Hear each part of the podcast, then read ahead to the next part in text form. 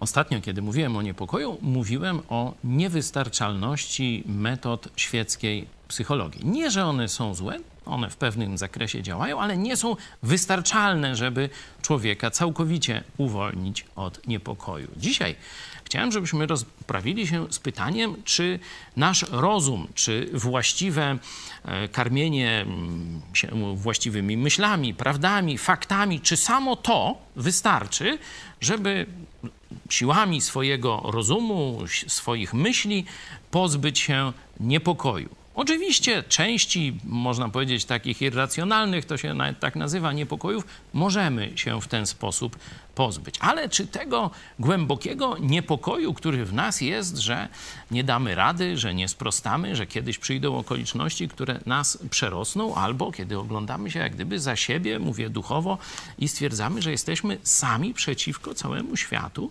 czy tutaj rozumem potrafimy, nawet jako chrześcijanie, przekonać się, że wszystko jest w porządku?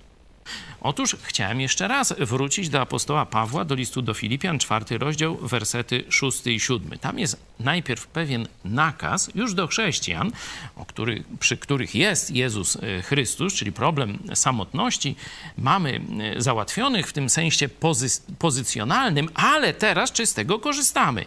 I apostoł Paweł nakazuje, nie troszcie się o nic, ale we wszystkim w modlitwie i błaganiach z dziękczynieniem powierzcie prośby wasze Bogu, a pokój Boży, który, który przewyższa wszelki rozum, strzec będzie serc waszych i myśli waszych w Chrystusie Jezusie. Zobaczcie, pokój Boży przewyższa wszelki rozum.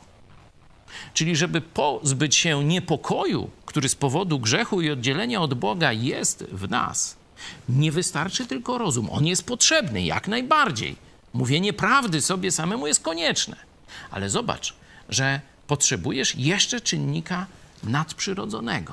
To, żeby, żeby nie było w nas niepokoju, musi w nas być od Boga dawany pokój Boży.